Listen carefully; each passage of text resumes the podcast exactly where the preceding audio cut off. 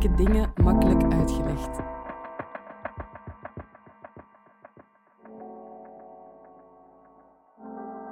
Dit is de podcast van Moeilijke dingen makkelijk uitgelegd. Wie de wereld wil verbeteren, moet wel begrijpen hoe die werkt. Daarom laten we in Moeilijke dingen makkelijk uitgelegd een expert 10 minuten aan het woord om een complex onderwerp uit te leggen. Deze keer vertelt Twan Lago Jansen wat gendersensitieve geneeskunde is. Wat is gendersensitieve geneeskunde? Dat is natuurlijk de belangrijke vraag. Maar misschien zal ik eerst iets vertellen over hoe het nou komt dat iemand bijna de hele carrière, de hele professionele carrière, zich uh, bezighoudt met um, uh, verschillen tussen mannen en vrouwen. En dan moeten we teruggaan naar toen ik begon als huisarts. Ik ben huisarts van discipline. En toen ik begon, um, was ik de eerste vrouwelijke huisarts in Nijmegen. Uh, dat was in een periode dat je als vrouwelijke huisarts geen lening kon krijgen voor de, bij de bank om iets, um, om een praktijk te beginnen. En uh, je kon ook geen praktijk overnemen, omdat um, huisartsen zeiden van mijn, patiënt, mijn uh, patiënten willen geen vrouwelijke arts. En toen ik uh, dus daar um, begon, bleek al heel snel dat er heel veel vrouwen op mijn spreekuur kwamen. En dat als het ware uh, met problemen die ze nooit eerder aan iemand hadden uh, voorgelegd. En, ehm, en eigenlijk heeft de praktijk als het ware, heeft mij, kun je zeggen, gendersensitief gemaakt. Nou, wat is gendersensitieve geneeskunde? Gendersensitieve geneeskunde is een geneeskunde die rekening wil houden met verschillen in ziekte en gezondheid uh, tussen mannen en vrouwen. En um, waarom is dat belangrijk, of waarom vind ik het in ieder geval heel erg belangrijk? Uh, omdat kennis over die uh, verschillen leidt tot beter zorg en ook tot een gelijke toegang tot die zorg. Nou kan je je afvragen, is dat dan nu niet zo? Nee, dat is niet vanzelfsprekend, dat gebeurt niet zo, niet vanzelfsprekend. En het gebeurt ook inderdaad te weinig.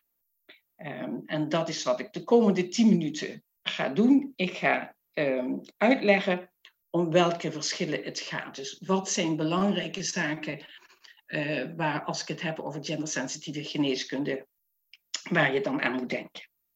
Goed, twee zaken zijn heel belangrijk in dit verband. Dat zijn twee begrippen. En dat is het begrip sekse, geslacht en het begrip gender. Nou, ik begin met seksen. Wat is seksen? Wat verstaan we onder seksen? Seksen, dat is biologie. Dat is het lichaam. Dat is alles wat gaat over het biologische. Dus over chromosomale, hè, dus waar de genen op zitten, en over hormonale eh, eigenschappen van de mens. Dus het gaat over je erfelijk materiaal, onder andere, met man-vrouw-verschillen in de chromosomen. En dan is het belangrijk om te weten dat vrouwen hebben twee chromosomen, dus twee X-chromosomen, en mannen hebben een 1X en 1 Y-chromosoom. Dat X-chromosoom, waar dus die genen op zitten, dat X-chromosoom bij vrouwen is groot, is stukken groter dan het Y-chromosoom. En op dat X-chromosoom zitten meer dan duizend genen. Dat Y-chromosoom is klein en op dat Y-chromosoom zitten minder dan 100 genen. Nou horen jullie mij niet zeggen dat kwantiteit iets zegt over de kwaliteit, maar het geeft wel aan dat er verschillen zijn. In elk geval dat die genen op dat Y-chromosoom, waar de vrouw er dus twee van heeft, die zijn belangrijk omdat die het verschil in gevoeligheid uitmaken voor ziekte tussen mannen en vrouwen. Belangrijk is ook te weten dat iedere cel heeft dus een seksie, iedere cel heeft dus XX of XY. En ook dat kan verschil uitmaken voor de gevoeligheid voor ziekte. En dan gaat seksen ook over hormonale verschillen. En daar kom ik straks nog op terug. Dat zijn de verschillen die maken, zal ik maar zeggen, je tot een mannelijk of een vrouwelijk lichaam voor een gedeelte toegespitst op de geslachtsorganen. Het andere begrip, dat is gender. En gender is de manier waarop in onze cultuur, en dat bedoel ik gewoon onze maatschappelijke cultuur, dus niet andere culturen, ook dat, maar in onze cultuur, in onze maatschappij, in een bepaalde tijd wordt aangekeken hoe mannelijk en vrouwelijk gedrag eruit ziet en hoe het hoort eruit te zien. Nou, wat zag ik nog niet zo heel lang geleden in, een, in Oki, dat is een soort tijdschrift voor, voor kinderen op de lagere school. Daar zag ik dus een pagina, een bladzijde met, er stond groot boven, alleen voor jongens. Wat ben jij? En er kon gekozen worden tussen stoer, slim of grappig. Natuurlijk was er ook een pagina, een bladzijde met alleen voor meisjes. Wat ben jij? Nou, ik denk dat jullie zo kunnen invullen wat daar waarschijnlijk stond. Het is echt heel recent, het is niet van 25 jaar terug. Maar er stond lief, sportief, nou voilà, en gezellig. Wat je kan zien is dat lief en gezellig, dat zijn alvast kenmerken die iets te maken hebben met relaties met het zijn, met iets met iemand anders bij meisjes, wat men dus belangrijk vindt. En dat stoer, slim en grappig zijn individuele eigenschappen die ook voor iemand zelf geldt. Dus bij gender gaat het om het verschil tussen mannen en vrouwen in de manier breed, hoe men zich kleedt, wat men eet, het rookgedrag, alcoholgebruik, welk werk men heeft. Er is een enorm verschil tussen mannen en vrouwen in, in, in werk in de maatschappij. Welk soort sport men doet, over emoties en op de manier waarop men met elkaar praat, bijvoorbeeld over communicatie. En eigenlijk al vanaf de geboorte, er zijn dus echt heel veel studies over, gaan mensen anders om met een jongetje of een meisje. En wat ook heel belangrijk is, men koestert ook andere verwachtingen.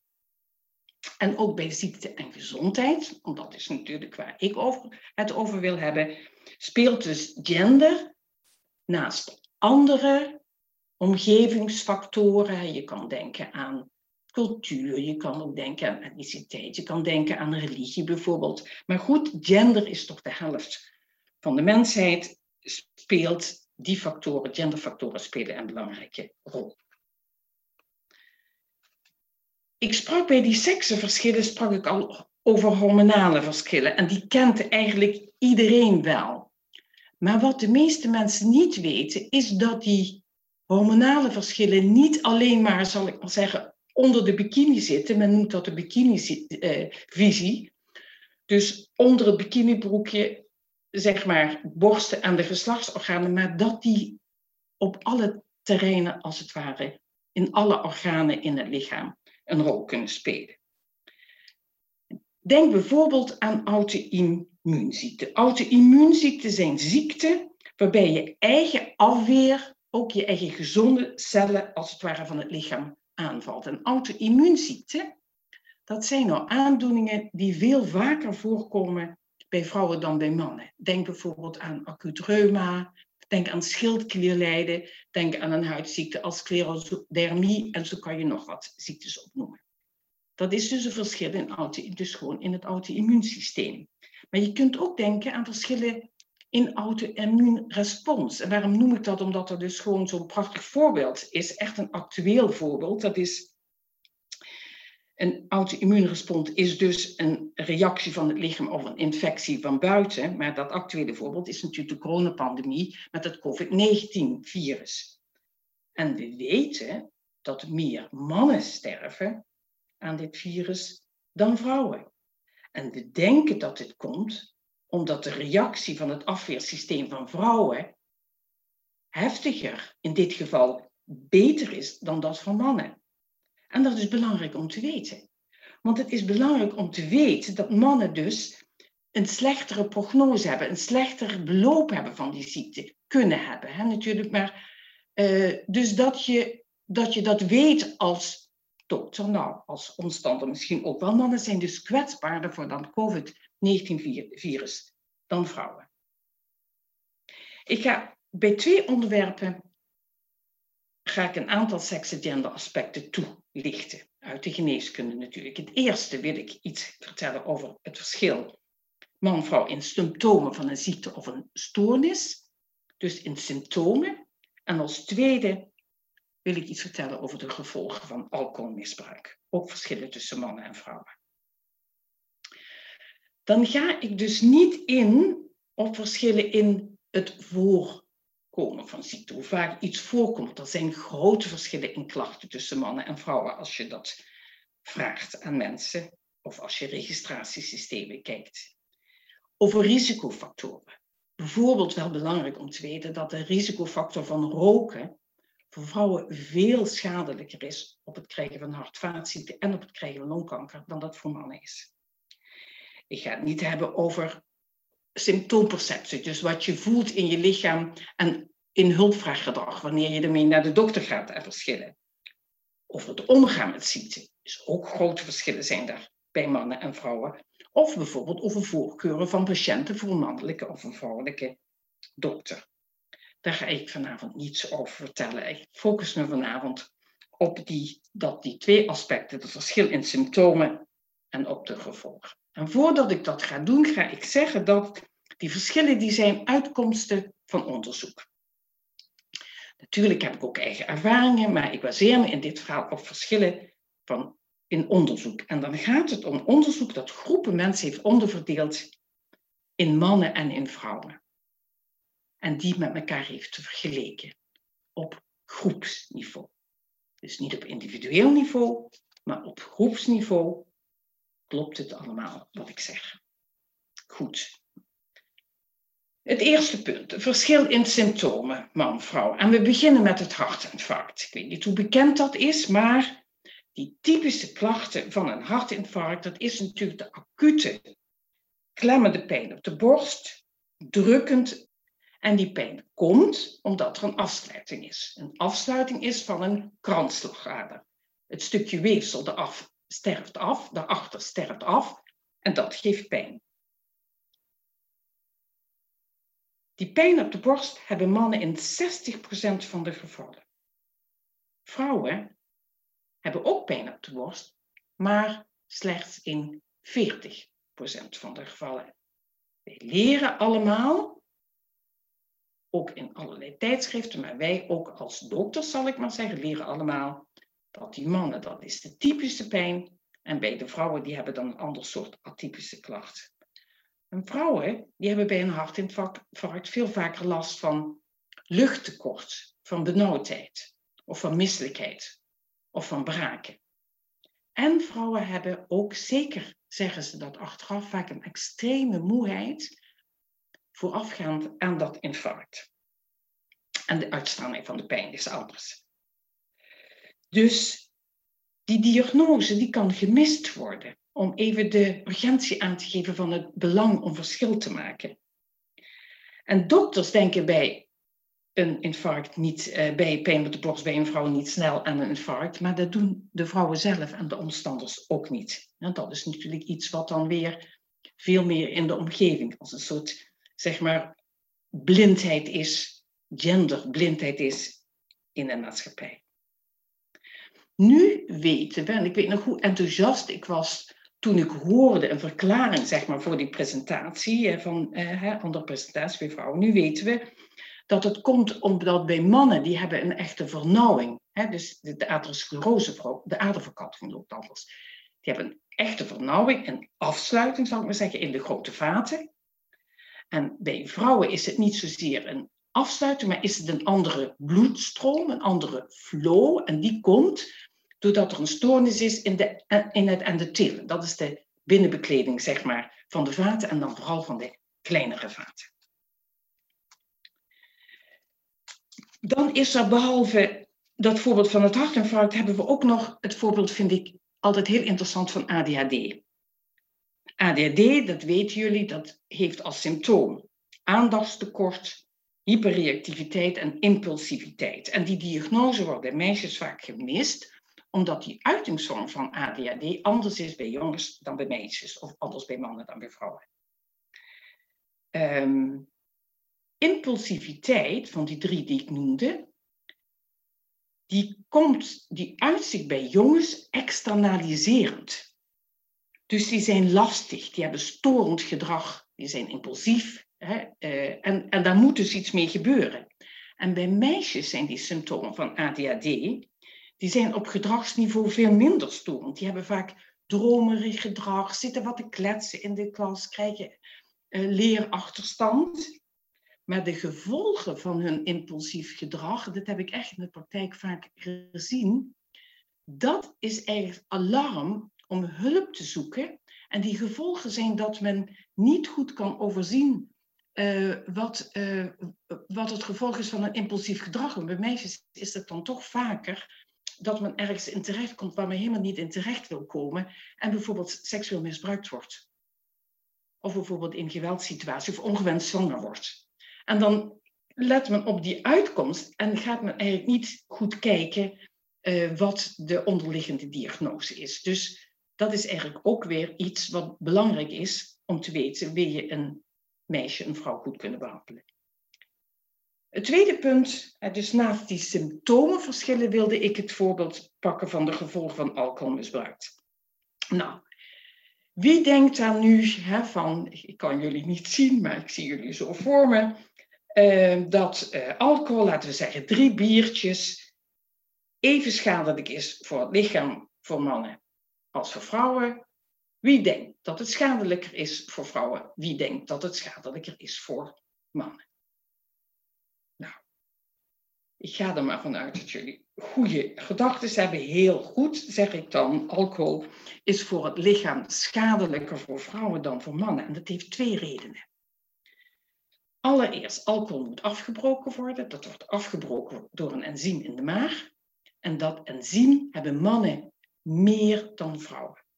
Dus dat betekent dat er meer, zal ik maar zeggen, in het, in het lichaam blijft. En dat is dus ook schadelijker voor vrouwen. Vrouwen zijn ook eerder dronken. Ik heb het over algemeen. Ik bedoel, er zullen vast vrouwen zijn die misschien ook door gewenning niet zo snel dronken worden. En er zijn ook individuele verschillen. Maar groepsge groepsgewijs zijn vrouwen dus sneller dronken ook. Er speelt nog iets anders en dat heeft te maken met de verdeling van het water en vet in het lichaam. Dat is anders bij mannen en bij vrouwen. Want mannen hebben gemiddeld een groter volume aan lichaamswater alcohol wordt verdund in het water. Dus je ziet, uh, uh, uh, doordat vrouwen minder lichaamsvocht hebben, wordt daar de concentratie hoger. En ook dat is toxischer. Dat is natuurlijk de reden dat in Nederland tot verlang was twee eenheden glazen per dag was eigenlijk de max. Ik geloof dat het nu inmiddels verlaagd is naar één of voor helemaal niks. Maar goed, voor vrouwen, voor mannen was het dan drie. En ik weet niet of die uh, percentages hetzelfde in België liggen. Nou, een ander punt is, ik denk dat dat de meeste mensen wel weten, dat echt, zeker fors alcoholgebruik uh, is echt heel erg schadelijk bij zwangere vrouwen voor de baby's. Die hebben heel veel aangeboren afwijkingen. Een ander punt is dan ook de psychologische gevolgen in een gezin. Met een moeder met alcoholmisbruik of een vader met alcoholmisbruik. Dat is verschillend. Bij een vader die verslaafd is aan alcohol zal meestal de moeder de gevolgen voor de kinderen opvangen en het zorgen dat de zaak gewoon doordraait in een huishouden. Maar bij een moeder met verslaving is de kans, omdat alcoholverslaving wel veel meer bij mannen voorkomt, is de kans dat ze ook een alcoholverslaafde man treft, is veel groter. En dan betekent dat dus dat een van de kinderen de zorg voor de andere kinderen, of de zorg voor het huishouden, op zich neemt. En dat heet, dat is wel heel erg kwalijk voor de ontwikkeling van een kind wat geen kind kan zijn. Het heet als het ware parentificatie, hè, dat een kind een ouderlijke functie over moet nemen. En dat is, uh, ja, dat is eigenlijk kinderverwaarloos verwaarlozen van een kind. Tot slot. Wie denkt aan het verschil in afbraak van alcohol in het lichaam, die begrijpt natuurlijk ook wel dat er verschillen zijn in afbraak van geneesmiddelen. Daar wordt steeds meer onderzoek naar gedaan. Daar weten we nog weinig van.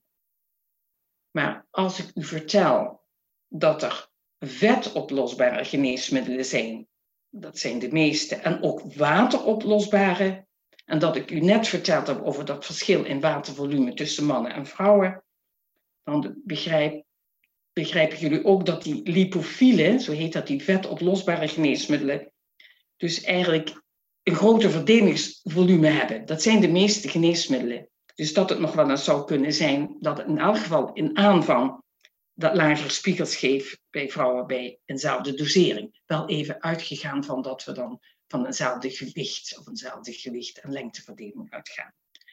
Dus kortom, we mogen echter niet van uitgaan dat een vrouw een klein mannetje is. Een vrouw is geen klein mannetje. Dank jullie wel. Je luisterde naar Moeilijke Dingen Makkelijk Uitgelegd. Ik ben Selma Fransen en samen met Curieus VZW en de buren organiseer ik de evenementenreeks Moeilijke Dingen Makkelijk Uitgelegd. Montage door Jelena Schmitz. Wil je graag reageren of een evenement bijwonen? Kijk dan op de Facebookpagina van Moeilijke Dingen Makkelijk Uitgelegd.